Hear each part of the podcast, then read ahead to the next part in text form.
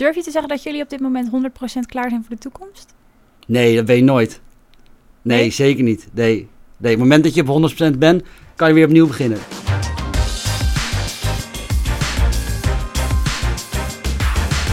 Hallo, leuk dat je luistert naar het tweede seizoen van de Exact Spot-on podcast. In dit seizoen nemen we je mee in de verschillende stappen van het digitaliseringsproces binnen een accountantskantoor.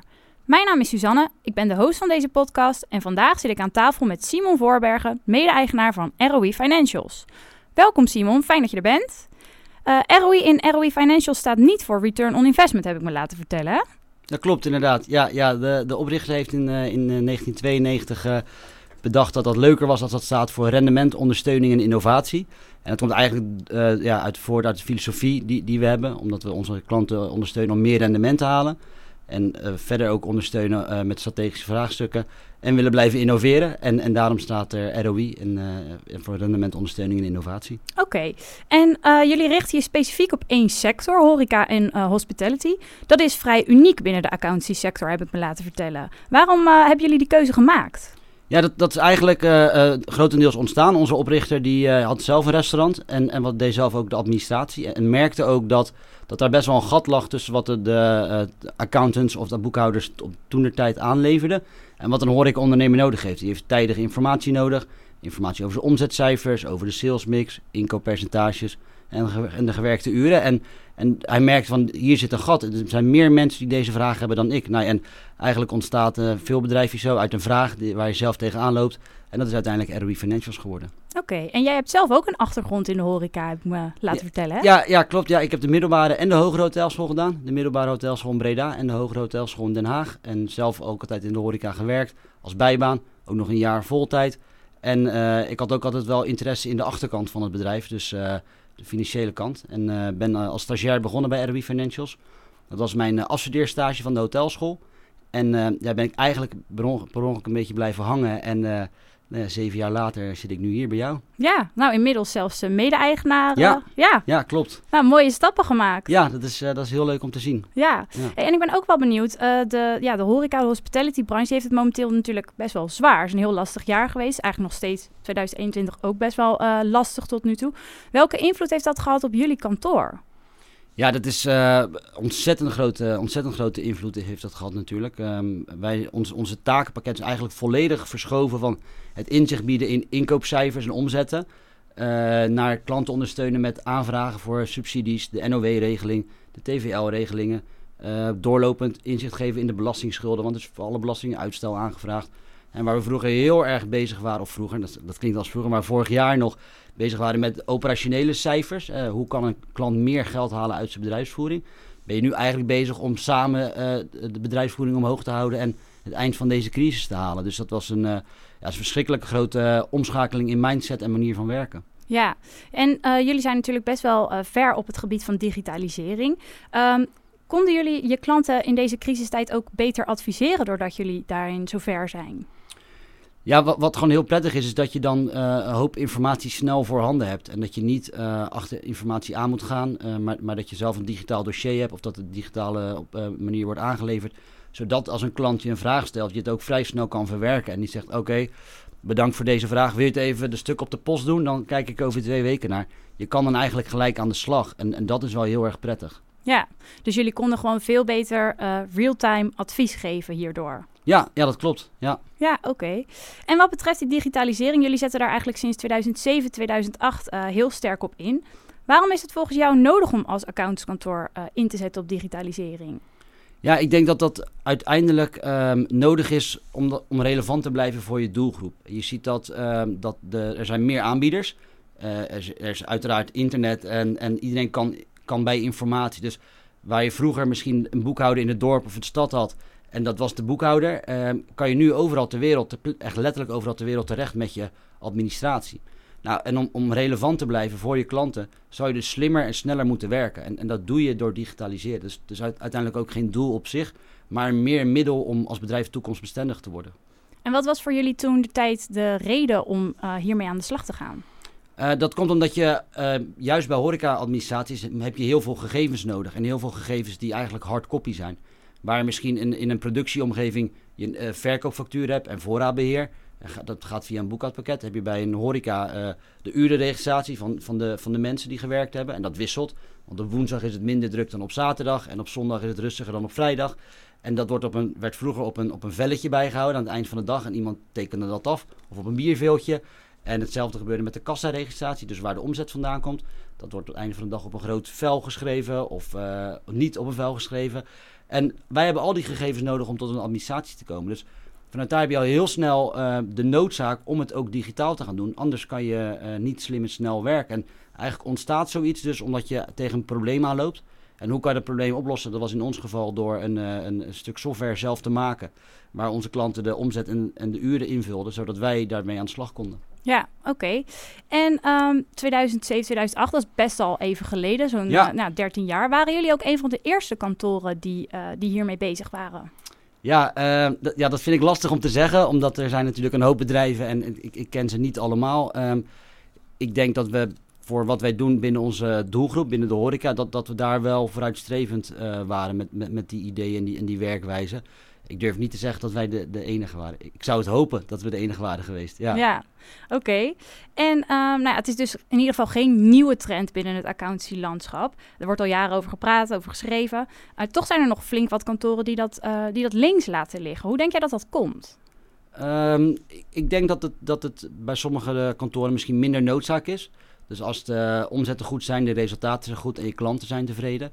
En dan voel je misschien minder noodzaak om te veranderen. Um, dat hangt ook eigenlijk misschien wel af van de branche waarin je werkt en, en wat voor segment klant je hebt. En um, ja, als de zaak goed draait en, en dan draait het goed, dan heb je misschien minder uh, ja, de drive om dat te doen. Als je uh, het oké bent met hoe de huidige situatie is, als je niet wil groeien, of je wil niet een tweede vestiging erbij als kantoor, of je wil niet meer mensen aannemen, ja, dan, dan is de status zoals die is misschien gewoon goed. En dan blijft dat zo. En ja, als er dan dus geen noodzaak is, ja, dan veranderen mensen uiteindelijk niet. Maar wij voelen die noodzaak heel sterk, gewoon om toekomstbestendig te zijn. Het bedrijf bestaat nu 29 jaar. Daar willen we nog een keer 29 jaar aan vastplakken. En, en dat, dat gaat niet lukken door te blijven doen wat je doet. Nee, want wat denk je dat er gebeurd zou zijn als jullie niet toen hadden ingezet op digitalisering? Waar hadden jullie nu dan gestaan? Dan, dan waren we denk ik te duur geworden. Want uiteindelijk heb je dan dus heel veel manuren nodig om tot die administratie te komen, om al die gegevens te verwerken. En dan hadden onze klanten uh, ons niet meer kunnen betalen. Nou, dan gaan er klanten weg. We zitten dan met veel personeel. Dus uiteindelijk zit je dan op een glijdende schaal en blijft er denk ik niet veel over.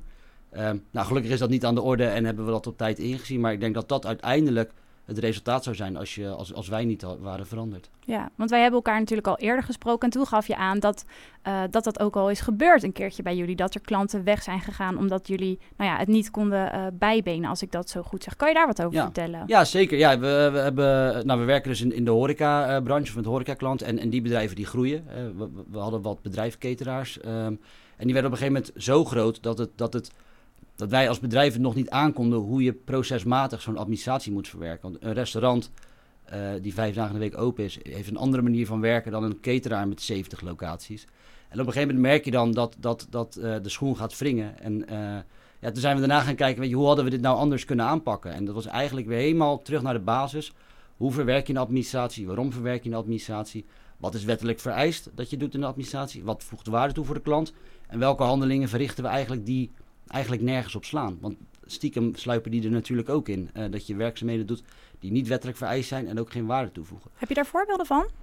Um, ja, ja, zeker. Je hebt, um, um, als je bijvoorbeeld, je moet om het jaardossier compleet te maken een afschrift van de bank downloaden. Want dat, dat legt vast dat het saldo op je bank bij einde van het jaar ook daadwerkelijk dat saldo is. En we hadden de werkafspraak dat je dat één keer per jaar voor heel het jaar doet, uh, zodat je dat niet elke maand uh, hoeft te doen. En dan zie je dat, dat uh, sommige mensen dat elke maand gaan doen. En dat is een klein voorbeeldje, maar het is elke maand vijf minuten. En dat over 180 klanten, dat gaat gewoon heel erg snel. Dus ja. weer helemaal teruggegaan naar de basis. Hoe willen we werken als bedrijf? Wat voor, wat, voor wat voor klanten willen we werken? En hoe kunnen we dat het beste invullen? En zijn we letterlijk elk procesje wat we kennen binnen het bedrijf uit gaan schrijven. En kijken hoe kunnen we dat beter doen. Dus het was een hele leerzame periode. Ja, want jullie wapen was echt om te gaan starten met standaardiseren. Hoe hebben jullie dat aangepakt? Um, ja, dus, dus eigenlijk door wat ik net beschreef, door echt terug te gaan naar de basis. En wat, heb je nodig en hoe kom je dan tot die informatie? Hoe krijg je die gegevens samen? Maar ook niet uit het oog verliezen, en dat is toch wel eens een, een valkuil. Wat is de behoefte van de klant? En het gevaar is als je in administratie werkt, dat je heel erg vanuit de, de theorie En vanuit de wetgeving naar de administratie kijkt, maar uiteindelijk verwerk je die voor een klant. Dus wat wil die nou zien? Uh, we maakten hele uitgebreide rapportages op, op, op ontzettend veel rekeningsschema's. En, en uiteindelijk merkten we dat heel veel klanten dat helemaal niet bekeken. Die scrollden naar beneden aan het einde van de winst- en verliesrekening, keken naar het resultaat en die keken aan het eind van de maand naar de banksaldo. En dachten, nou, dat staat allebei uh, genoeg. En wij waren heel erg druk om al die inzichten te creëren. Maar als ze niet gebruikt worden, is het uiteindelijk zonde. En dat is helemaal niet erg, want wij als financials vinden dat mooi inzicht. Maar niet elke ondernemer zit erop te wachten. Dus inventariseren wat, wat de informatiebehoefte is van die klant. En vanuit daar gaan kijken hoe kan je de werkzaamheden zo inrichten. En dat de output aansluit met die behoeften. Oké, dus dat was een van de dingen dat jullie eigenlijk meer deden dan waar de klant naar op, zocht, uh, naar op zoek was. We waren heel, heel erg aan het hobbyen, omdat we het zelf heel erg leuk vinden om met cijfers bezig te zijn. Ja. Ja, ja. ja en een van de andere dingen die je ook vertelde was dat jullie veel te maken hadden met uh, bleeders, zo noem jij dat. Kan je daar wat over vertellen? Ja, ik denk dat je binnen, binnen klantenportefeuille altijd klanten hebt waarin je uh, niet uh, het rendement haalt wat je nodig hebt om een gezonde bedrijfsvoering te voeren. Uh, dus toen we alle processen opnieuw hadden uitgeschreven, gaan we natuurlijk naar het eerst kijken naar oké, welke klanten uh, moeten we eigenlijk geld op toeleggen of halen we niet het rendement om, om een gezonde bedrijfsvoering te halen? En dat is dan zo'n bleeder? Dat is dan inderdaad een bleeder, um, uh, in mooi Engels. En uh, dan ga je kijken, wat, wat, wat, wat wil deze klant ook? Dus je gaat eigenlijk dat gesprek terugleggen van... oké, je betaalt nu bedrag X en wij doen, en we doen Y aan werkzaamheden voor jou. Maar ben je, ben je daar nog wel blij mee? Weet je? Wil je dat niet anders?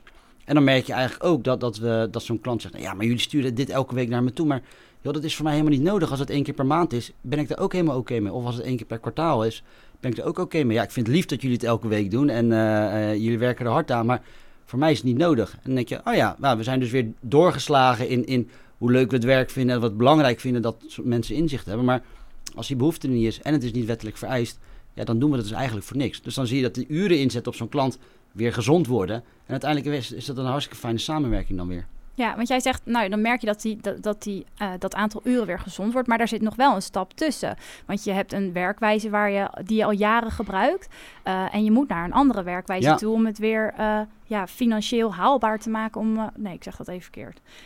Um, rendabel? Ja, rendabel. Ja, om dat weer rendabel te maken. Um, maar hoe heb je dat aangepakt?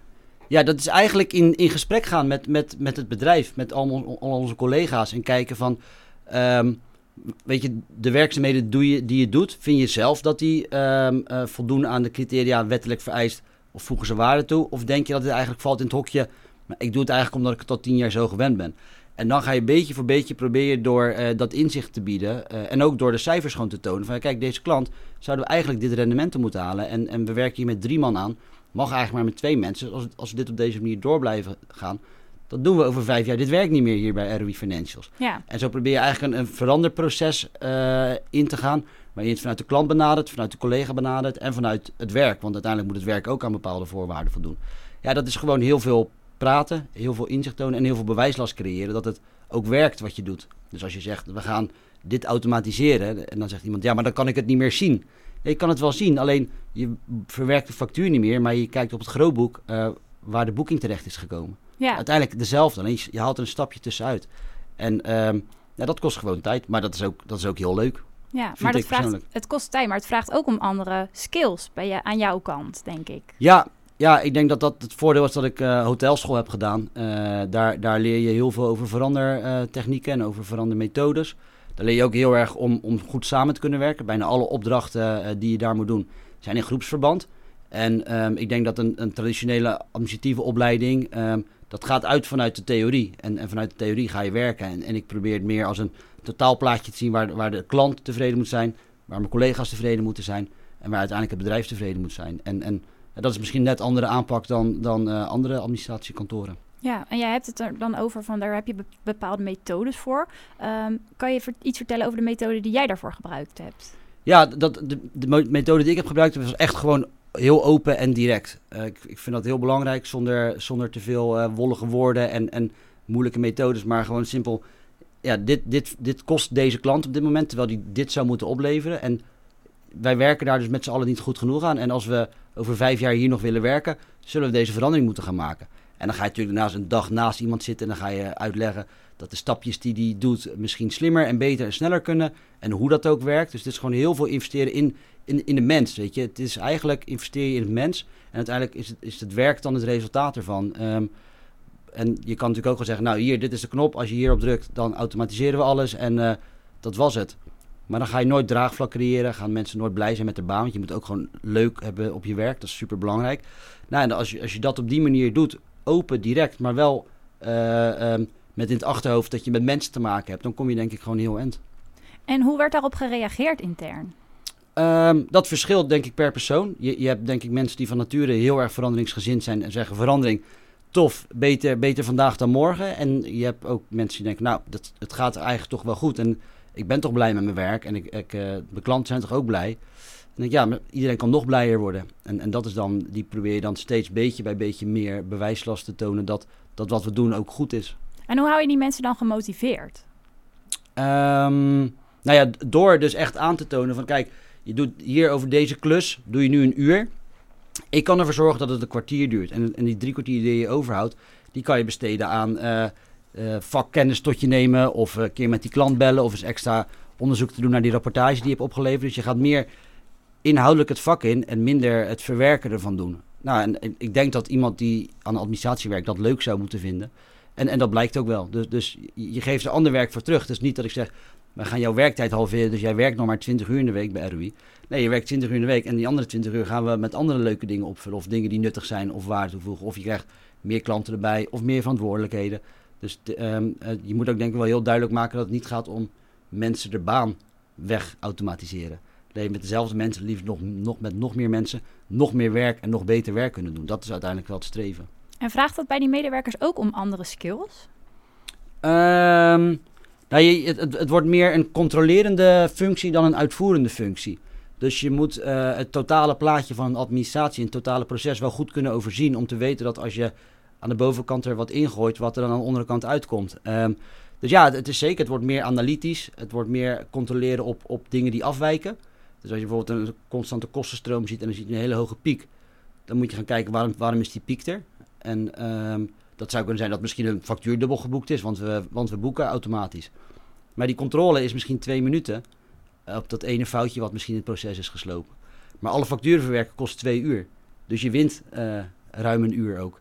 En, en het is gewoon een andere manier van werken. Controleren en, en kritisch kijken, analytisch. En proberen die procesfouten eruit te halen. Zodat je weer tijd overhoudt om, uh, om andere werkzaamheden te doen. En wat voor soort andere werkzaamheden moet ik dan aan denken? Zijn jullie bijvoorbeeld meer klanten gaan bedienen? Of zijn jullie met hele andere dingen uh, aan de slag gegaan? Ja, uiteindelijk zijn we, bedienen we uh, meer klanten met minder mensen. Um, en dus eigenlijk meer dat, dat mensen die weggaan niet per se vervangen hoeven te worden. Dus niet dat we mensen hebben weggestuurd, want uh, het is niet meer nodig. Niemand weggepest. Niemand weggepest. nee, maar ik denk dat toen ik zeven jaar geleden kwam, toen zaten we met twintig mensen. En ik denk dat, dat het er nu, uh, niet ik denk, ik weet dat het er nu vijftien zijn. Dus dat zijn vijf, vijf uh, mensen minder. Maar de, de, omzet is vrij gelijk gebleven in die tijd. dus, dus je doet gewoon met minder mensen doe je gewoon meer werk. En ehm, het simpele voorbeeld is, ik, we hadden een hele grote tafel op kantoor. En elke ochtend kwam daar de postbode met een hele grote tas. Die gooide alles op de tafel. En dan uh, mocht ik als stagiair natuurlijk alles gaan sorteren en alle envelopjes openmaken en alle papiertjes ontnieten. En dan maakte hij werkstapeltjes van per klant. En dat verdeelde hij over de collega's. Ja, dat, wat, dat duurde gewoon een ochtend. Um, en nu open je uh, je scherm en staan alle factuurtjes klaar. Of ze zijn al geboekt, of er uh, is een boekingsvoorstel gemaakt. Of de bankkoppeling heeft alle bankmutaties al ingelezen. En vroeger werd dat nog met de hand ingeboekt, regel voor regel.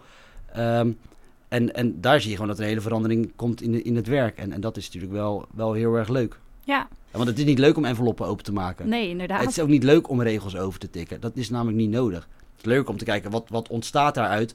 En klopt dat? En, en, en uh, is het op een juiste manier verwerkt? Ja, en advocaat van de duivel, die vijf mensen die, uh, die weg zijn gegaan in die tussentijd. Zijn dat dan ook mensen die het heel lastig vonden om mee te gaan in de verandering? Of ligt er een andere reden aan ten Nee, nou, eigenlijk zijn dat ook allemaal oud-hotelschool uh, uh, stagiairs. En op een gegeven moment gaan die gewoon een andere kant op, andere baan, andere uitdaging.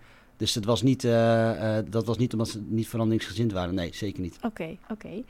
En we hadden het er dan over dat het voor uh, medewerkers natuurlijk, of die moet je meekrijgen in zo'n proces. Maar hoe krijg je je klanten ook mee? Want voor hen uh, verandert er ook een hoop als jij op een andere manier gaat ja. werken. Ja, nou, dat is inderdaad echt, uh, dat is ook lastig. Dus je zit eigenlijk altijd in een, in een constant snijvlak tussen intern, dus je, je, je collega's meekrijgen, en extern je klanten tevreden houden en dat die ook mee willen met de verandering.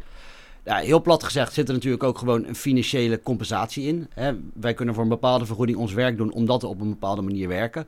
Als we dat niet zouden doen, zou een klant twee keer zoveel moeten betalen. Dus dat is fijn. Nou, dat is, dat is altijd stap 1. Maar daarnaast zit er ook gewoon heel veel tijdwinst voor een klant. Ik stel wel dat je eigenlijk met een half uur voorwerk per week zou je klaar moeten zijn en administratief verder geen handelingen meer hebben als je met een partij als RB Financials werkt. Nou, als je dat aan een, aan, aan een klant vertelt of in een salesgesprek, dan is het natuurlijk een fijne boodschap. Als je een half uur in de week, misschien een half uur per twee weken, wat, wat laatste dingen toestuurt, wat dingen controleert, dan verwerken wij verder voor jou je administratie. En kan jij doen waar je goed in bent. Dat is of lekker eten maken, mooie wijn schenken of een lekker biertje tappen. Ja, inderdaad. Dus je, je, je laat echt zien van wat levert het jou op. En daardoor krijg je mensen mee uiteindelijk. Ja, zeker. Want ook zo'n ondernemer vindt het niet leuk om de postbus te lezen, uh, legen, enveloppen open te maken, daar foto's van te maken of in te scannen naar ons toe. Die factuur kan gewoon direct naar ons toe. En je kan hem later uh, controleren of je kan hem vooraf controleren. En dus het zijn allemaal taakjes die ook niet leuk zijn. Die eigenlijk zonde van de tijd zijn. Um, dus wat dat betreft is die verandering wel makkelijk voor een hoop mensen. Alleen je moet even laten zien ook dat het dan goed gaat en dat het klopt. En dat we ook daadwerkelijk echt alle stukken binnenkrijgen. En dat we die ook echt goed verwerken. En dan creëer je weer bewijslast en, en kan je weer door naar het volgende. Heb je wel eens meegemaakt dat klanten zeggen: Nou, sorry, maar hier ga ik echt niet in mee. De manier waarop jullie werkten, dat vond ik prettig en daar hou ik het liever bij? Ja, tuurlijk. Zeker. Ja, hoe hoor. ga je daar dan mee om? Ja, dan, dan als, als die klant het heel erg fijn vindt, dan stuurt hij gewoon nog steeds een map per maand naar ons toe. En dan uh, scannen wij die map in. Oké, okay. en dan tegen meer prijs waarschijnlijk? Ja, nou, die, die gaat dan in ieder geval niet heel erg dalen in de vergoeding. Want, nee. want uiteindelijk hebben we dan meer werk en meer werk kost, kost meer geld. Um, maar uiteindelijk gaat het ook wel om de klanttevredenheid. Hè. Je, wil, je wil heel graag die klant helpen. En als dat systeem ook werkt voor diegene, dan is het ook goed. Hè? Als, er maar, als nou 90% van onze klanten mega digitaal hebben en 10% niet, dan zijn we hartstikke tevreden.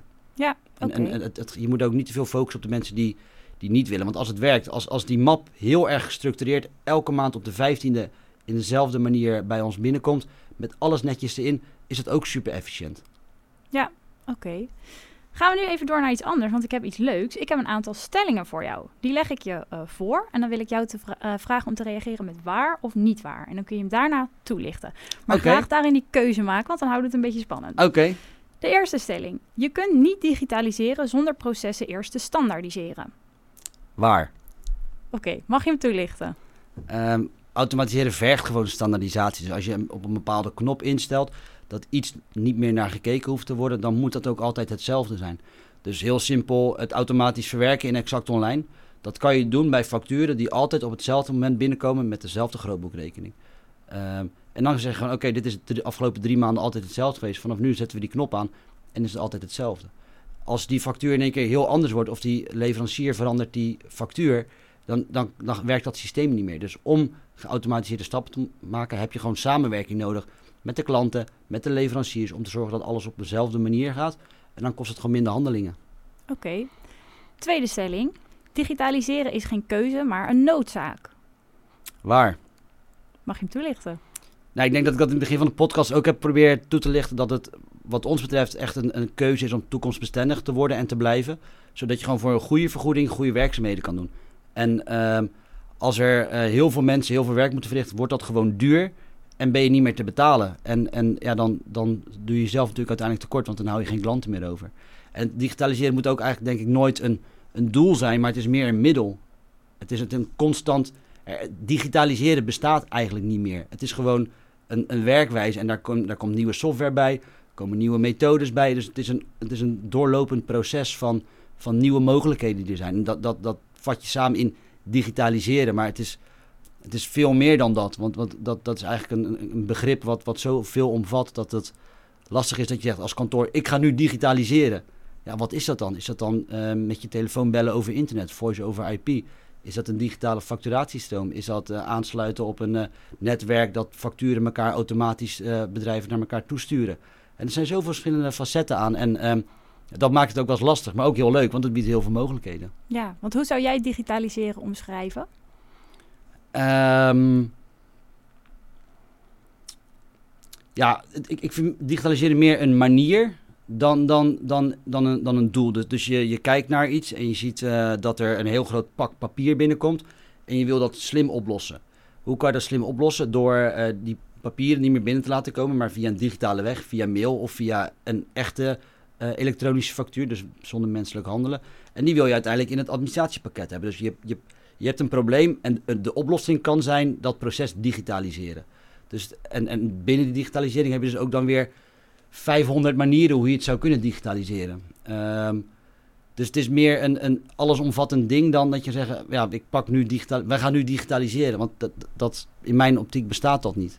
Nee, en het is waarschijnlijk ook geen proces waar een begin en een eindpunt aan zit, als ik jouw verhaal zo hoor. Nee, doorlopend. Ja, ja zeker. Het moment dat we eh, iets hebben, nou, we zijn laatst volledig overgegaan naar Exact Online. Ja, op het moment dat je dat doet, loop je eigenlijk alweer achter en denk je, oké, wat, wat zijn de nieuwe mogelijkheden binnen het pakket? Wat sluit er aan? Um, dus het is ongoing. Dus eigenlijk, als ik goed naar jouw verhaal luister, is digitaliseren een continu proces waarbij je steeds kijkt naar hoe je uh, processen slimmer kunt inrichten. Ja, dat, dat, heb je heel mooi samengevat. Ja, ja zeker. nou, mooi. Kunnen we door naar de volgende stelling. Digitalisering is financieel niet haalbaar voor kleinere kantoren. Um, ik denk dat dat niet waar is. Um, ik denk dat, uh, dat, dat het heel belangrijk is dat je kleine stapjes maakt. Want, want dat wordt nog wel eens, um, en dat, zelf maken we die fout uiteraard ook wel eens, dat je tegen een berg aan dingen opkijkt. En dat je, al mijn klanten moeten digitaal gaan werken. Hoe ga ik dat doen? Begin, begin. Doe er één, doe er twee. Kijk hoe het werkt, kijk hoe het niet gaat. Ga het gesprek aan met de klant, ga het gesprek aan met je collega's. En probeer beetje bij beetje die hele grote berg te beklimmen. En, en uh, denk niet alleen maar aan shit, ik moet naar de top van de berg. Maar neem het stapje voor stapje en, en, dan, en dan maak je gewoon uiteindelijk resultaat. Ja, en bij welke klant begin je dan? Uh, ik denk dat het wel goed is om te beginnen bij een klant waar je gewoon een goede klantrelatie ook mee hebt. Uh, waar je fijn mee samenwerkt, die je misschien ook een beetje persoonlijk kent. En dat je echt een goede band ook hebt. En dat je zegt, nou, we willen dit gaan proberen. We blijven de kwaliteit van het werk uiteraard garanderen. Maar er zal eens een keertje wat zijn wat anders loopt dan, dan, dan uh, voorheen. Want we gaan deze en deze werkwijzes implementeren. En dan creëer je ook, creëer je ook begrip. En dan zeg je aan het eindstand, als dat gelukt is, ga je ook nog 100 euro per maand minder betalen. Want we zijn minder tijd kwijt. Ja, dus eigenlijk iemand waarbij je al een beetje credits hebt opgebouwd, zodat er, dat het niet ergens, als er een keertje iets Nou, ik denk dat dat fijn is. Dat, dat, echt, dat moet ook echt een samenwerking zijn. En, en, en een administratie is, is ook nooit volledig. Weet je, op het moment dat je hebt bijgewerkt, loop je alweer achter. Financiële gegevens veranderen constant, want er komt een factuur bij, of er komt toch een creditnota bij, of die omzet die we hadden geregistreerd is toch lager. Dus het, het, het gaat ook niet, dat, dat verandert constant. En, en dat, als je dat probeert uit te leggen en probeert dat je dat in ieder geval zo goed mogelijk probeert te doen, doordat je de factuur uh, digitaal wil ontvangen, zodat je hem sneller kan verwerken, dan is uiteindelijk iedereen daarbij gebaat. En uh, als hij, ja, dan zou ik inderdaad uitgaan met iemand die ook ehm, die er zelf ook voor open staat. En dat heeft niks met leeftijd te maken of, of, of man of vrouw. Als je gewoon het idee hebt, oké, dit is iemand die gewoon open staat voor een verandering en ja, dit met, samen met ons aan wil gaan, ja, probeer het gewoon. Ja, oké. Nou gaan we door met onze vraag of met mijn vragen. Ja. Um, want ik heb me ook laten vertellen dat jullie een afdeling business development hebben. Dat is geen afdeling die je standaard binnen een administratiekantoor tegenkomt, volgens mij. Nee, ik heb het nog niet vaak gezien, inderdaad. Nee, dat is, uh, een, uh, het is een afdeling waar ik zelf onderdeel van uitmaak, samen met mijn uh, collega Jerry. En wij kijken intern en extern naar hoe we onze werkwijzes kunnen verbeteren. Dus we, we kijken bij de klanten, hoe, hoe komt nou de administratieve gegevens, hoe komen die bij jou tot stand? En hoe kunnen we die op een slimme manier bij ons krijgen? En op het moment dat ze bij ons zijn, gaan we kijken, oké, hoe kunnen wij dat op een slimme manier verwerken, zodat die gegevens zo snel mogelijk worden omgezet naar een administratie. En uh, nou, wij vinden dat dus zo belangrijk dat, uh, dat twee mensen daar fulltime mee bezig zijn. En dat is best wel een flinke investering om daar twee mensen fulltime op te zetten. Uh, hoe, ja. hoe, betaalt dat zich terug? Uh, doordat we nog steeds bestaan. Ja, dat, dat, dat geloof ik echt. Ik, ik geloof echt in dat, dat als we die stappen niet hadden gemaakt, op een gegeven moment word je gewoon niet meer relevant. Want dan kan ook een partij uit India het doen voor, voor 50 euro in de maand. Want op een gegeven moment wordt alles, um, denk ik, zo ver geautomatiseerd dat er bijna geen menselijk handelen meer, handelen meer zit. Maar uiteindelijk wil een klant ook gewoon een persoon spreken. Uh, dat is ook wel heel tegenstrijdig in de hele digitaliserings... Uh, uh, nou ja, die, die nu misschien harder gaat dan voorheen door de coronacrisis ook. Hè. Mensen werken thuis, alles moet nu digitaal. Um, dat aan het eind van de dag wil een klant gewoon mij bellen of een collega bellen en zeggen... joh, Simon, hoe zit dat? Um, dus om die service te kunnen blijven bieden, is het gewoon fijn als je daar uh, je focus op kan leggen. En dat het administratieve werkzaamheden die uh, simpeler of efficiënter gedaan kunnen worden, dat die zijn gedaan. En dat je, dat je gewoon een uurtje de tijd hebt om nou eens gewoon eens lekker met die klant te bellen. Dan hoeft het niet altijd over werk te gaan. Dan ook vragen, hoe was je weekend? En hoe gaat het met je nieuwe auto? Ja, Oké, en hoe, wat is dan uh, een concreet project waar jullie nu als afdeling Business Development mee bezig zijn? We zijn op dit moment um, bijna klaar met de volledige conversie van uh, Exact Globe naar Exact Online. daaraan hebben we Vision Planner gekoppeld. dat is een reporting tool, daar zijn we ook bijna klaar mee.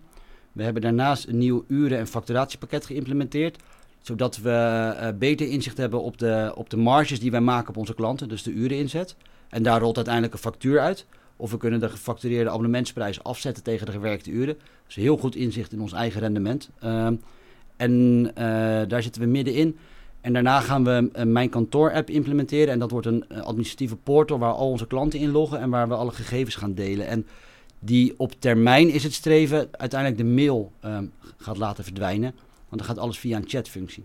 Oké, en op welke termijn verwacht je dat dat... Uh, dat duurt nog wel eventjes hoor, daar zijn we nog een paar jaar mee bezig, ja. ja. Maar het zijn dus heel veel uh, uh, dingen waar we tegelijkertijd mee bezig zijn. En op het moment dat we klaar zijn, dan lopen we weer achter en dan gaan we weer opnieuw kijken naar goede oplossingen. Ja, want heb je dat gevoel dat je eigenlijk continu wel ja, achterloopt? Of dat je altijd achter de feiten aan blijft lopen als het gaat om digitalisering? Ja, ja wel. Als je een tijdje terug hebben we een, een uitvraag gedaan voor een nieuwe scan-herkenoplossing. Uh, nou, uiteindelijk zijn we volledig naar exact online gegaan waar de scan-herkenoplossing in zit. Maar dan krijg je eigenlijk de vier, vijf grootste partijen over de vloer. En elk pakket heeft wel iets gaafs. Je denkt, oh, was dit nou allemaal maar bij elkaar gekomen? Dan hadden we echt het allerbeste pakket wat er bestaat. Nou, dat, dat is er niet. Er zijn altijd dingen die anders kunnen. Of die anders moeten. Of die net niet in je eigen werkwijze of denkwijze uh, passen.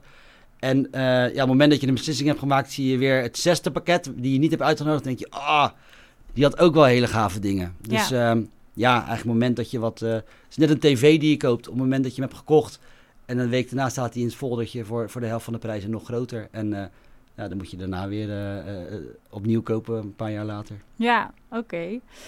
Um, we hadden het er net over dat jullie afdeling business development onderscheidend is. Maar wat ook onderscheidend is, is de manier waarop jullie jezelf in de markt zetten en de strategie die jullie daarbij voeren. Kan je daar wat meer over vertellen? Um, ja, ja, we proberen echt een, uh, actief te groeien. En ik, ja, ik denk wel dat er meer administratieve uh, kantoren zijn die dat doen. Maar we kiezen dus A, heel gericht voor een branche, horeca. En daarnaast proberen we daar binnen die branche ook echt, echt te groeien. En uh, dat zien we heel erg. We hebben veel klanten in Rotterdam, we hebben veel klanten in Amsterdam, we hebben veel klanten in Utrecht. we zitten echt veel in de Randstad. Uh, en, je ziet ook dat, dat is ook het leuke van uh, de horecabedrijven. Dat zijn ook ondernemende mensen. Dus als iemand een bedrijfsleider is geweest in een restaurant en die begint zijn eigen bedrijf, dan neemt hij jou mee als administratiekantoor. Dus je groeit daardoor ook organisch, tenminste als je je werk goed doet. En zo wordt dat steeds meer een, een olievlek. En ja, we proberen gewoon ons verhaal goed naar voren te brengen. En uh, nou, naast dat ik bezig ben met de procesoptimalisaties, werk ik ook aan, aan de sales en aan de marketing. En zorg ik dat onze boodschap goed naar buiten komt. Omdat ik vind dat we gewoon een heel tof verhaal hebben. En we willen gewoon voor leuke klanten werken en leuk werk doen. En, en eind, ja, eindstand is dat het ook gewoon. Werk moet gewoon leuk zijn. Je klanten moeten het leuk hebben. Iedereen moet eten. Nou, laten we daar met z'n allen voor zorgen. Ja. Er zijn uh, misschien accounts die luisteren, uh, die nu denken van ja, ik wil ook starten met digitaliseren. Uh, maar hoe pak ik dat aan? Welke tips heb jij voor hen? Ehm, wat ik eerder aangaf, wat echt heel belangrijk is, is klein beginnen. Gewoon kijken naar wat je, wat je wel kan doen.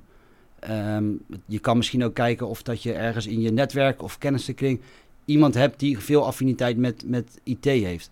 Mijn collega Jerry, die heeft eigenlijk weinig administratieve kennis. Maar die heeft een heel, heel veel kennis en heel veel interesse in, in IT. Dus hij benadert een proces ook puur vanuit, vanuit automatisering, vanuit het systeem, vanuit de computer.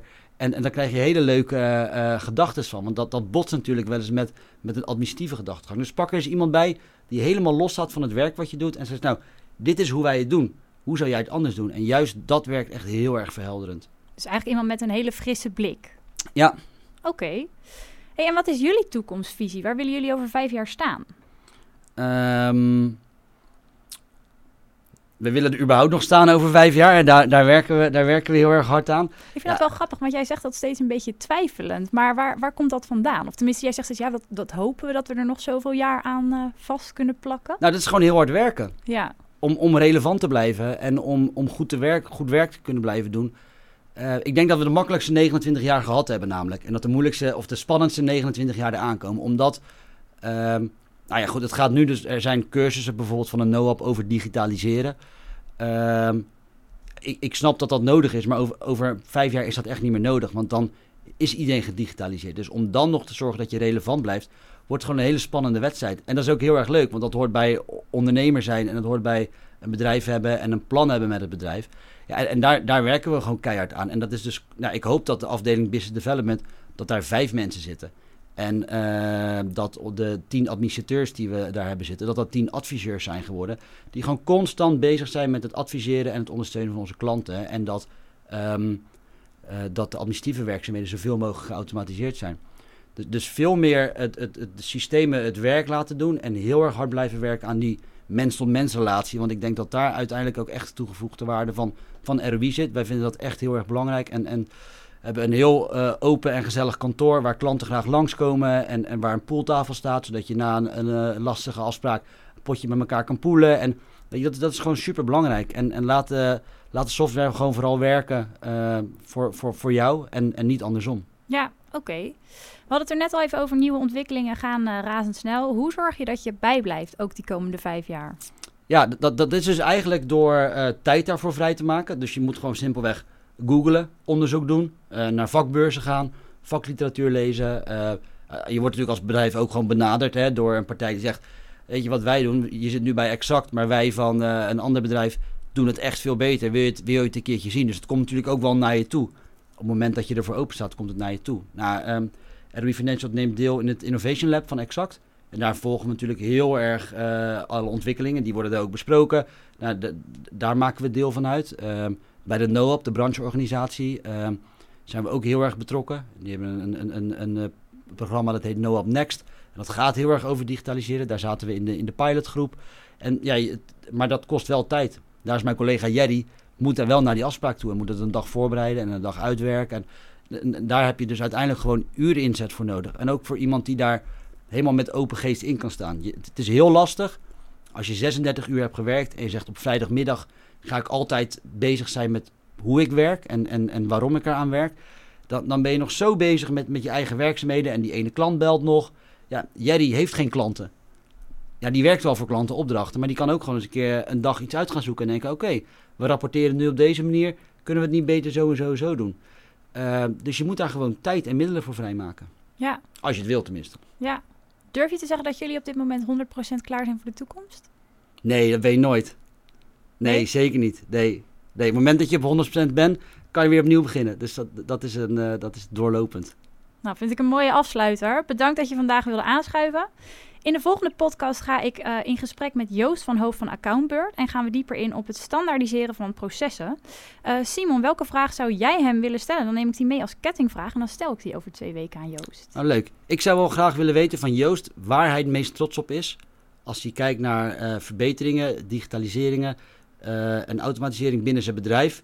In combinatie met het behouden van het menselijke aspect van je medewerkers. Dus waar ben je dan uiteindelijk het meest trots op? Oké. Okay. Dit was aflevering 1 van seizoen 2 van Exact Spot On. Over twee weken komt de volgende podcast online. Wil je die nou niet missen? Abonneer je dan op Exact Spot On en je krijgt een melding zodra de volgende aflevering online staat. Bedankt voor het luisteren.